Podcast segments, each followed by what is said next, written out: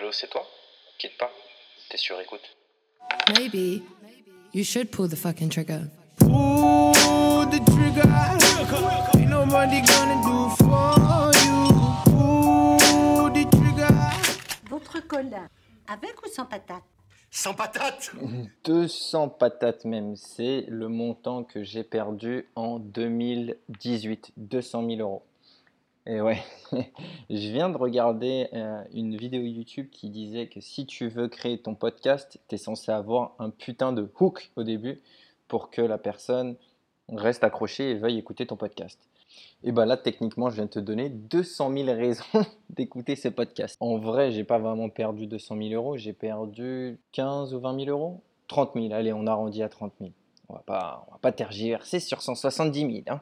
Bon, pour faire l'histoire un peu courte, quand j'ai fait mes 500 000 euros de chiffre d'affaires et il en 2017, j'ai investi dans de la crypto. C'était le début 2017, donc tout allait bien. J'ai investi pas mal, j'ai fait pas mal de rentrées d'argent. Et puis, euh, j'ai investi une grosse partie d'argent au mois de, je sais pas, août, septembre, par là. Énormément d'argent. Et au mois de décembre, j'étais le roi du pétrole avec 230 000 euros sur mon compte. Donc, 600% de profit. Et ça, c'était cool. Sauf que j'avais pas prévu que aujourd'hui, en 2019 et dès 2018 d'ailleurs, que la crypto se casserait la gueule de plus de euh, pff, je sais même pas. Je sais même pas. En gros, le Bitcoin, si t'as pas vraiment suivi, quand moi j'ai commencé à acheter, il valait quoi Dans les 1200 euros? Quand j'ai vraiment investi à fond, il était dans les 4000, 3000, 4500 euros. Il est monté à 17 500 euros. Et maintenant, il est à à peine 3000, je crois. Donc si c'était ça, en fait, j'aurais pas perdu tant que ça, mais j'ai pas investi que dans le Bitcoin, j'ai investi aussi dans les Litecoin, j'ai investi aussi dans l'Ethereum. Donc au mois de décembre, j'étais le roi du pétrole et maintenant je suis malade. Bref, toujours est-il que euh, je me suis intéressé un petit peu à pourquoi j'avais autant de problèmes avec l'argent. Alors des problèmes, toi, t'es pas obligé de le voir comme un problème, mais il y, a ce petit truc qui me titille que j'arrive à gagner énormément d'argent, j'arrive à économiser de l'argent, mais par moment, je me retrouve un peu dans une situation où j'ai l'impression que si j'ai de l'argent, je vais pas, vais pas avancer. Il faut que je sois dans une situation un peu critique pour me bouger le cul. Donc là, par exemple, d'avoir perdu 200 000 euros, bah, depuis, j'ai créé ce- cette chaîne euh, de podcast, je me suis mis à la boxe, je me suis mis au yoga, je me suis mis à lire des livres. Mais quand j'étais dans le confort, j'attendais un petit peu. Et j'ai eu cette séance de coaching qui s'appelait une téléportation avec Roger, que je salue. Merci si tu m'écoutes, je sais pas si tu m'écoutes, mais si tu m'écoutes, merci pour cette téléportation.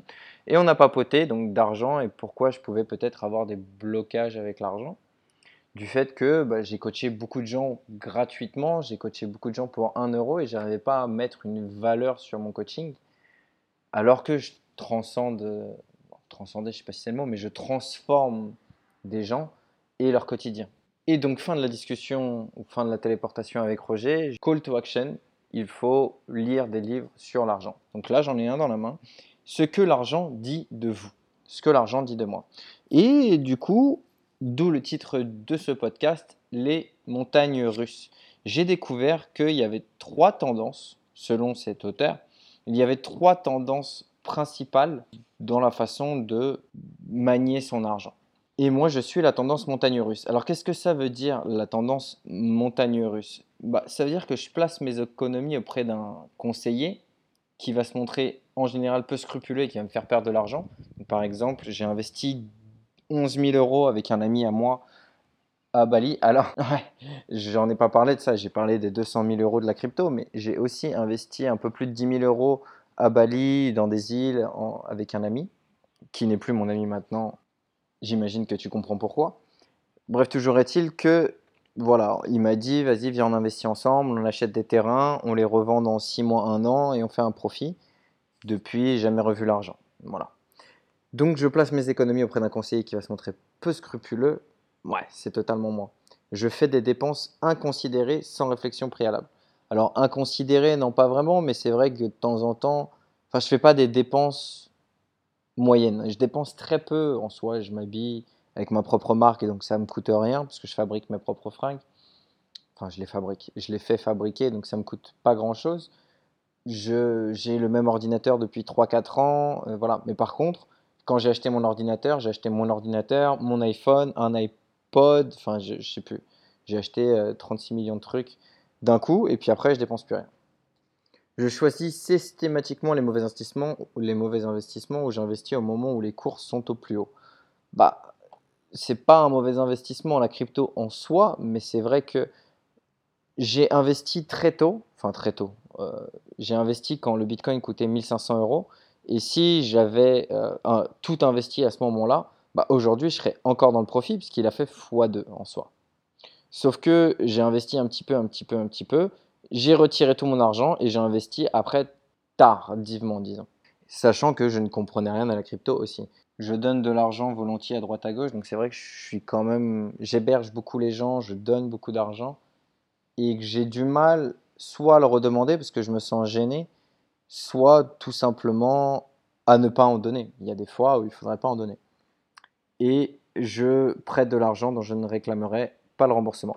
Et donc en lisant ce bouquin, j'ai compris que j'étais une tendance montagne russe, que je savais comment gagner beaucoup d'argent, mais que je savais pas vraiment comment le gérer. Un jour, je pouvais être au top, un jour, je pouvais être en bas, un jour, je pouvais être au top, un jour, je pouvais être en bas. Et ça, ça veut vraiment dire, enfin, quand tu gères ton argent d'une manière précise comme ça, c'est que forcément, il y a un, problème plus profond. Il y a un problème de, manque, ou il y a un problème de, confiance en soi, ou il y a un problème de, valorisation personnelle. Et c'est un truc que je suis en train de travailler personnellement, parce que j'ai beau donner les meilleurs conseils du monde, on dit toujours que le cordonnier est toujours le plus mal chaussé. Et je me sens un petit peu dans cette situation où je donne beaucoup de conseils à des gens et je les, je, les suis pas tous. Donc j'essaye de travailler sur ça. Et par exemple, tu vois, il dit dans le bouquin qu'il y a un participant qui fait des gros efforts pour économiser l'argent et qu'en l'espace d'une heure, il dépensait toutes ses économies et en fait, il disait qu'il se sentait vide après avoir fait ses achats et qu'il n'y avait aucun plaisir. Je me sens pas vraiment considéré là-dedans parce que c'est pas ce genre de dépenses que je fais, mais c'est vrai qu'il y a, il y a un, un trou quelque part chez moi où j'ose pas mettre une valeur à, mettre un montant à ma valeur. Alors, je sais pas si toi, tu, ça te le fait, tu vois, dans ton entreprise, par exemple, tu peux bosser à fond, euh, faire tous les comptes rendus, si tu as des comptes rendus à faire, et euh, te laisser payer une misère. Parce que tu es un petit peu dans un truc comme ça, tu vois, tu es, dans une, euh, dans une spirale où t'estimes pas vraiment, tu t'estimes pas à ta juste valeur. Et ça, c'est dommage. C'est dommage parce que ça va t'empêcher d'avancer et ça va te dévaloriser encore plus. Parce que tu vas dire, ouais, mais c'est normal, je peux pas demander tant. Aujourd'hui, je vois le nombre de personnes que je coach ou des personnes juste avec qui je parle qui me disent, non, mais moi, c'est mort, je peux pas demander ce salaire-là. Parce que, voilà, il n'y a pas plus tard qu'une semaine, je parlais avec un ami à moi, justement, et il me disait qu'il cherchait un nouveau travail. Et avant, il gagnait genre 2200 euros. Maintenant, il postule pour un nouvel emploi et il va demander 1800. Il va demander 1800 parce que la société ne, ne veut pas le payer plus. Je dis, mais attends, tu as quitté un emploi où tu gagnais 2200 euros, ta valeur a augmenté en soi, tu, tu, tu lis beaucoup, tu t'informes beaucoup, et tu vas demander maintenant 1800 euros, mais ça fait pas sens. Pourquoi? Plus tu prends de la valeur, moins tu te, tu te donnes de la valeur. Et ça, c'est un petit peu une situation où moi j'étais dedans. Et si toi, tu n'as pas cette tendance montagne russe, tu vois, d'être un petit peu dans le mouvement où tu as une projection positive puis négative sur l'argent. Donc par exemple, la projection positive, ça peut être euh, l'argent, ça équivaut à de la liberté, et que tu as tendance à accumuler de l'argent, mais que tu as aussi une projection négative, par exemple, l'argent, c'est un peu de l'injustice ou ça t'apporte du stress, bah, tu vas avoir tendance à repousser l'argent d'une manière ou d'une autre. C'est le second mouvement. Donc, un moment, tu vas avoir tendance à l'accumuler et un moment, tu vas avoir tendance à le repousser. Quand c'est trop facile. Par exemple, moi, là, j'ai une vie plus que correcte. J'ai un grand appartement de 110 mètres carrés, piscine, salle de sport, j'ai mon yoga, j'ai mon, j'ai mon Muay Thai, j'ai mes amis. Donc ça va bien et donc j'ose pas demander de l'argent. Tu vois, c'est marrant. Alors que si j'étais en galère et que j'étais encore chez mon père, bah, j'ouvrirais une société, je ferais 500 000 euros de chiffre d'affaires. Et dès que j'ai atteint les 500 000 euros, je me suis dit, c'est trop. Donc ça, c'est la première tendance, c'est la tendance montagne russe. Après, il y a la tendance dite écureuil. Donc la tendance écureuil, c'est quelqu'un qui a une facilité d'économie, c'est quelqu'un qui va faire des réserves, il va avoir beaucoup de boîtes de conserve, une tente d'enveloppe, il va avoir 36 000 euh, un PEL, 36 000 comptes en banque, pardon, euh, un PEL, un livret A, euh, un livret je sais pas trop quoi, et puis un autre compte en banque. Il, va, il adore voir ses économies s'accumuler, et en plus, il les compte souvent. C'est quelqu'un qui va jamais dépenser un copec pour quelque chose d'inutile. En général, il est même un petit peu radin, il est avare, il va vraiment freiner toutes les dépenses qu'il estime inutiles. Il peut se stresser dès qu'il voit des dépenses s'accumuler et il devient très irritable quand il voit des gens proches de lui qui dépensent facilement dans des, dans des domaines assez futiles selon ses critères perso. Il a tendance à pas payer de tournée à tout le monde et il a tendance à assurer que les autres, par contre, font leur part. Donc si, par exemple, euh, on est trois, que je paye ma tournée, que l'autre paye sa tournée, que le troisième paye pas sa tournée, bah, il va s'en apercevoir. Il désire toujours plus d'argent. Jusque-là, tout va bien, tu vas me dire. Mais en quoi il peut y avoir un problème dans cette façon de voir les choses? Bah, si tu y penses, en fait, ça veut dire qu'il y a une insécurité derrière par rapport à l'argent. Il y a une insécurité qui fait qu'on a toujours l'impression de ne pas en avoir assez. En fait, c'est des gens qui trouvent leur sécurité dans le fait d'avoir de l'argent de côté. Mais par contre, dès qu'il y a une grosse dépense, par exemple acheter une maison, acheter une voiture et qu'il n'y a plus d'économie en soi, ces gens-là vont mais perdre contrôle. Ils vont perdre contrôle totalement. Et c'est surtout qu'ils vont imaginer le pire. Ils vont se dire, mais peut-être que les impôts vont augmenter, mais peut-être que ma voiture va casser, mais peut-être que ma machine, ma machine à laver va faire ci, va faire ça. Il y a toujours un problème. Et quand c'est un cas comme ça, en général, ce sont des personnes qui ont beau avoir 10 000, 20 000, 3 millions d'euros sur leur compte, c'est jamais assez. Parce qu'ils sont toujours stressés en se disant, mais un jour, je peux en manquer. Et il utilise d'ailleurs un exemple, et il dit qu'il y a un de ses clients qui avait 6 millions d'euros de placement et qui dormait plus du tout quand sa fortune diminuait de 5%. Alors 5%, tu vas me dire, c'est énorme, mais c'est normal. Ça- 5%, ça fait presque, euh, ça fait presque euh, 250 000 euros. Bah voilà, c'est ce que j'ai perdu. Le mec qui perdait 250 000 euros, il était stressé. C'est normal. C'est- normal d'être stressé quand tu perds 250 000 euros. Mais pas quand il te reste 5 750 000. Enfin, 5 750 000, tu as quoi vivre pendant, euh, je sais pas, j'ose même pas dire, parce que tu peux vivre, dépendant comment tu vis, tu peux vivre très très très très longtemps. Et en plus de ça, ces gens qui pensent que cette sécurité monétaire, que cette sécurité financière les rassure, en général, ils s'achètent souvent des systèmes de sécurité perfectionnés pour leur maison, ils mettent des grillages autour de leur maison, autour des fenêtres, ils mettent aussi des gardes à l'entrée de leur domaine pour ceux qui ont vraiment de l'argent. Tu vois, c'est vraiment des gens qui, par le fait d'économiser temps, tu vois qu'ils ont un problème de sécurité. Ils se sentent pas comme moi, j'ai des problèmes de confiance en moi par rapport aux montagnes russes, ou pas de confiance en moi, mais j'arrive pas à mettre une valeur sur ce que je vaux vraiment. Bah, les personnes qui sont écureuils, eux, justement, n'ont pas confiance en eux et, et surtout, ils ont peur. Ils ont peur de se dire qu'est-ce qui va se passer demain? Et ils ne vivent pas dans le moment présent, et ce qui peut vraiment les gêner parce que bah, tu vas leur dire écoute, j'ai une opportunité aujourd'hui de, de faire un gros investissement je sais pas, dans, des trucs Amazon il y a 10 ans et ils vont pas le faire et après ils vont regretter encore plus. Et la troisième tendance, donc, c'est la tendance sabotage. Bah, tu l'auras compris, c'est la tendance qui est totalement à l'opposé de la tendance écureuil et qui est la personne qui n'aime pas manier l'argent. Donc, c'est quelqu'un qui manque de rigueur dans la facturation de ses prestations, par exemple, ou qui ne facture pas du tout. C'est quelqu'un qui contrôle jamais ses encaissements. Je, peux me reconnaître un peu là-dedans.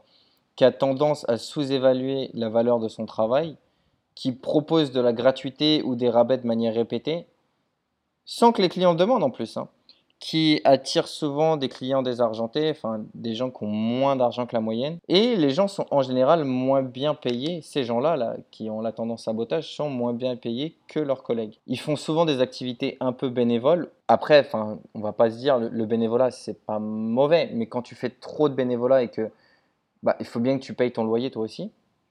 Et c'est des gens qui refusent tout soutien financier, surtout quand on offre. Quand, quand je regarde ça, je me dis qu'en fait, j'ai peut-être une tendance sabotage. Parce que, tu vois, on n'a pas vraiment on n'a pas vraiment idée, puisqu'on n'a pas à l'école, j'ai déjà fait un sujet là-dessus dans, dans, un autre de mes podcasts, mais on n'a pas idée de ce que c'est que l'éducation financière, parce qu'on n'apprend pas ça à l'école. Et c'est bien dommage, parce que on va travailler avec l'argent toute notre vie, on va, on va gérer de l'argent toute notre vie, on va vivre avec de l'argent toute notre vie. Et pourtant, on n'apprend pas quelle est notre personnalité et comment faire pour avoir une meilleure personnalité. Donc tu vois, moi par exemple, ce serait, bah, je sais que j'ai une valeur ajoutée. Donc comme j'ai travaillé avec mon, avec mon coach par exemple, et il a, il a vu que j'apportais de la valeur, et il m'a dit, qu'est-ce que c'est pour toi de l'argent? À quoi ça te sert? Donc moi je lui disais, bah, j'ai pas vraiment besoin d'argent, je pense pas que ce soit nécessaire. L'argent, ça me sert surtout à voyager. Donc il m'a dit, bah voilà, pour toi l'argent, c'est le voyage. Donc, quand tu vas coacher quelqu'un, demande-lui jusqu'où tu veux voyager. Si tu le coaches pendant, euh, s'il veut que tu le coaches pendant un mois et que tu, lui demandes tout simplement, tu veux voyager où? Pour toi Le fait que je transforme ta vie, c'est quoi comme voyage? Est-ce que c'est un Paris-Roubaix, un Paris-Barcelone? Est-ce que c'est un tour du monde? Est-ce que c'est trois fois le tour du monde? Est-ce qu'on va sur la Lune? Est-ce qu'on va? Et donc si le gars il me dit, euh, ah bah pour moi, ce sera un voyage au bout du monde, le fait de me faire coacher par toi. Ça va vraiment me transcender, ça va être un voyage à l'infini. Bah là, je vais lui demander, pour toi, donc c'est moi qui lui demande à lui, pour toi, un voyage à l'infini, ça vaut combien? Et moi, j'estime que s'il veut qu'on voyage à l'infini, lui et moi, bah, il faut que ce soit à l'infini. Il faut que, s'il m'avait dit ce serait comme aller en Australie, bah, Paris, Paris-Sydney, Sydney-Paris, c'est 2500 euros par exemple. Bah là, à l'infini, ça veut dire que c'est encore plus cher attention, ça va peut-être prendre 3 mois, 6 mois, 1 an. On va voyager ensemble jusqu'à l'infini. Tu comprends? C'était vraiment très sympa que, Roger fasse ça avec moi parce que je me suis aperçu de comment je voyais l'argent et à quoi ça me servait. Une fois que j'ai pu faire ça, j'ai pu mettre une échelle de valeur qui me correspondait. Et aujourd'hui, on, est dans des situations où on ne sait pas trop comment gérer l'argent autour de nous. Certains veulent faire plein d'économies, avoir un PEL, avoir euh, des placements financiers à droite à gauche et ils en veulent toujours plus. J'ai des potes, ils font du dropshipping. Ils gagnent, euh, je sais pas, ils gagnent entre 30 euh, 000 et 100 000 euros par mois, mais ils savent pas quoi faire avec leur argent. Enfin, moi, de mon point de vue. Et c'est que je pense que eux, ils sont dans une, tendance un peu, bah, je ne saurais même pas dire ce serait l'écureuil ou le, saboteur ou les montagnes russes, mais c'est que ils sont, ça, pourrait peut-être même être du sabotage parce qu'au final, ils gagnent tellement d'argent, ils savent que l'argent va continuer à rentrer, qu'ils n'en mettent pas de côté. Ils n'en mettent pas de côté, ils ne pensent pas à faire des placements, ils ne pensent pas à faire des investissements, juste ils bossent, ils bossent, ils bossent, ils bossent et ils claquent tout. Donc c'est cool, mais si un jour, tout d'un coup, le fisc arrive ou, euh, je sais pas, le, dropshipping se casse la gueule ou peu importe, et qu'il n'y a plus ces rentrées d'argent, certes, ils auront acquis plein de skills, mais il n'y aura aucun, il n'y a, pas d'immobilier, il n'y a pas d'investissement perso où ils vont pas dans des séminaires ou des trucs comme ça. Et c'est dommage, entre guillemets, parce que de faire tous ces trucs-là, alors qu'ils ont autant d'argent, pour eux, leur servirait énormément.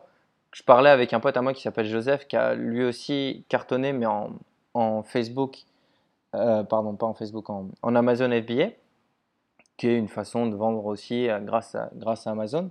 Et il a, lui, il a fait un profit de 500 000 euros, je crois. Moi, j'ai fait 500 000 euros de chiffre d'affaires. Lui, il a fait un profit de 500 000 euros. Mais il a investi plus de 200 000 euros dans son développement perso. Il est allé 4 jours, non, une semaine à la hum, Warrior Week, je crois. Ça coûte 25 000 dollars. Je dis euros, mais c'est dollars. C'est 25 000 dollars pour une semaine. Mais il m'a dit, c'est ouf tout ce qu'il a appris, comment, comment ça l'a transformé et tout ça. Mais voilà, il a compris que si il investissait en lui-même, c'était le meilleur investissement qu'il pouvait faire et voilà, il pouvait repartir de l'avant et continuer. Quel est l'intérêt de ce podcast au final? C'est de te dire quelle personnalité as-tu vis-à-vis de l'argent? Qu'est-ce que cet argent veut dire pour toi? Qu'est-ce que l'argent veut dire de toi? Parce que on n'y pense pas aujourd'hui et, c'est fou, c'est que tout se monnaie, tout se monnaie, ton service, ton temps, ton repas, je sais pas, ton, ton trajet, peu importe ce que tu vas faire aujourd'hui, tu vas payer. Et si tu payes pas, tu vas passer du temps. Et du temps, c'est du temps où tu pourrais travailler et donc gagner de l'argent. Comment tu te valorises toi aujourd'hui? Ce serait intéressant. Tu sais quoi? Envoie-moi un message sur Insta ou sur Facebook, at Nick Growth Designer, qu'on discute un petit peu de tes patterns, de tes, de tes façons de te comporter avec de l'argent. Est-ce que c'est toi qui vas payer tout le temps tes tournées? Est-ce que tu vas au contraire plutôt jamais sortir pour pouvoir économiser Ou est-ce que un jour tu vas bosser énormément, gagner énormément d'argent et puis après tu vas faire des investissements pourris et et puis tu vas te dire ah, mais je vaux rien et tout. Parce que en fait chacune de ces trois personnalités monétaires entre guillemets, donc l'écureuil, le saboteur ou les montagnes russes, chacune de ces trois veut dire quelque chose de plus important, de plus profond. Comme je te disais, l'écureuil, c'est quelqu'un qui manque de sécurité, c'est quelqu'un qui a, vraiment un manque de confiance en soi. Le saboteur, c'est quelqu'un qui ne s'estime pas à sa vraie valeur. Et l'écureuil, c'est quelqu'un qui joue un peu entre les deux. Des fois qui a un manque d'insécurité et des fois qui ne sait pas s'estimer à sa propre valeur. Et quand tu sais ça, tu peux, tu peux comprendre pourquoi tu agis comme ça avec l'argent et tu peux agir différemment et devenir plus heureux. Bah, si tu vois que tu économises tout le temps, toi, tu peux te dire, il n'y a rien qui me, qui me dérange. Ça ne te dérange pas toi, mais ça a peut-être un impact négatif sur ta famille, sur ton compagnon ou ta, ou ta partenaire, parce que tu lui diras toujours, non mais je veux pas qu'on aille au ciné, non mais je veux pas qu'on fasse ci, non mais je veux pas qu'on fasse ça, on va pas s'acheter une voiture, t'es folle. Alors que on a, euh, on a je sais pas combien de milliers d'euros sur le compte en banque et que qu'est-ce qui se passe si tu meurs demain? Bah, L'argent reste sur ce compte. Alors tu vas me dire, ouais, mais tu peux léguer aux enfants aussi ou ça. Oh, mais il y a 50% qui vont aller aux impôts. Et puis en plus, si toi tu penses comme ça, tes enfants ils vont penser de la même manière. Et donc eux non plus, ils profiteront pas de leur argent. Moi, mon père, il est décédé, il avait 30 ou 40 000 euros sur son compte. Mais c'est dommage, c'est dommage. Moi, ce que je lui ai dit, c'est il te reste peut-être un an à vivre, peut-être six mois, peut-être trois semaines, mais viens, on prend tout cet argent et on va faire un tour du monde, on va, je sais pas, on, va faire des trucs illégaux, on va faire, euh, tu vois. Mais profites-en ton argent. Maintenant, le saboteur, c'est totalement l'inverse. C'est une personne qui se dit non, mais moi, l'argent, en fait, c'est même pas qu'il n'a pas c'est même pas qu'il a une insécurité, c'est que lui, il aime pas l'argent. Pour lui, l'argent, c'est un aspect négatif. C'est que s'il a de l'argent, il va toujours voir que l'argent, ouais, mais l'argent, ça amène le vice. Moi, je préférerais le troc. Ouais, mais l'argent, ça amène du stress parce que plus t'as d'argent, plus t'as de problèmes. Ouais, mais l'argent. Donc, c'est aussi quelque chose de très négatif parce que tu vas pas vivre pleinement. Tu vas un jour ou l'autre être dans la merde. Tu vas te retrouver à bosser gratuitement, à te faire exploiter et à te dire quand tu seras sur ton lit de mort, ah mais si j'avais pu, j'aurais fait ça, ah mais si j'avais eu de l'argent, j'aurais fait ci, ah mais, mais on a tous les mêmes opportunités aujourd'hui. C'est toi qui décides, c'est toi qui es aux manettes de ton navire. Et la dernière personnalité, donc les montagnes russes, c'est une personne donc, qui n'est pas vraiment à l'aise, qui est un peu entre deux courants, mais pareil, un jour elle va se sentir épanouie et le lendemain elle va se sentir moins épanouie. Et c'est difficile, c'est un peu comme une personne qui est, qui est lunatique. Elle va un jour être souriante, un jour elle va pleurer, un jour elle va être souriante, un jour elle va pleurer. Bah, c'est compliqué à suivre.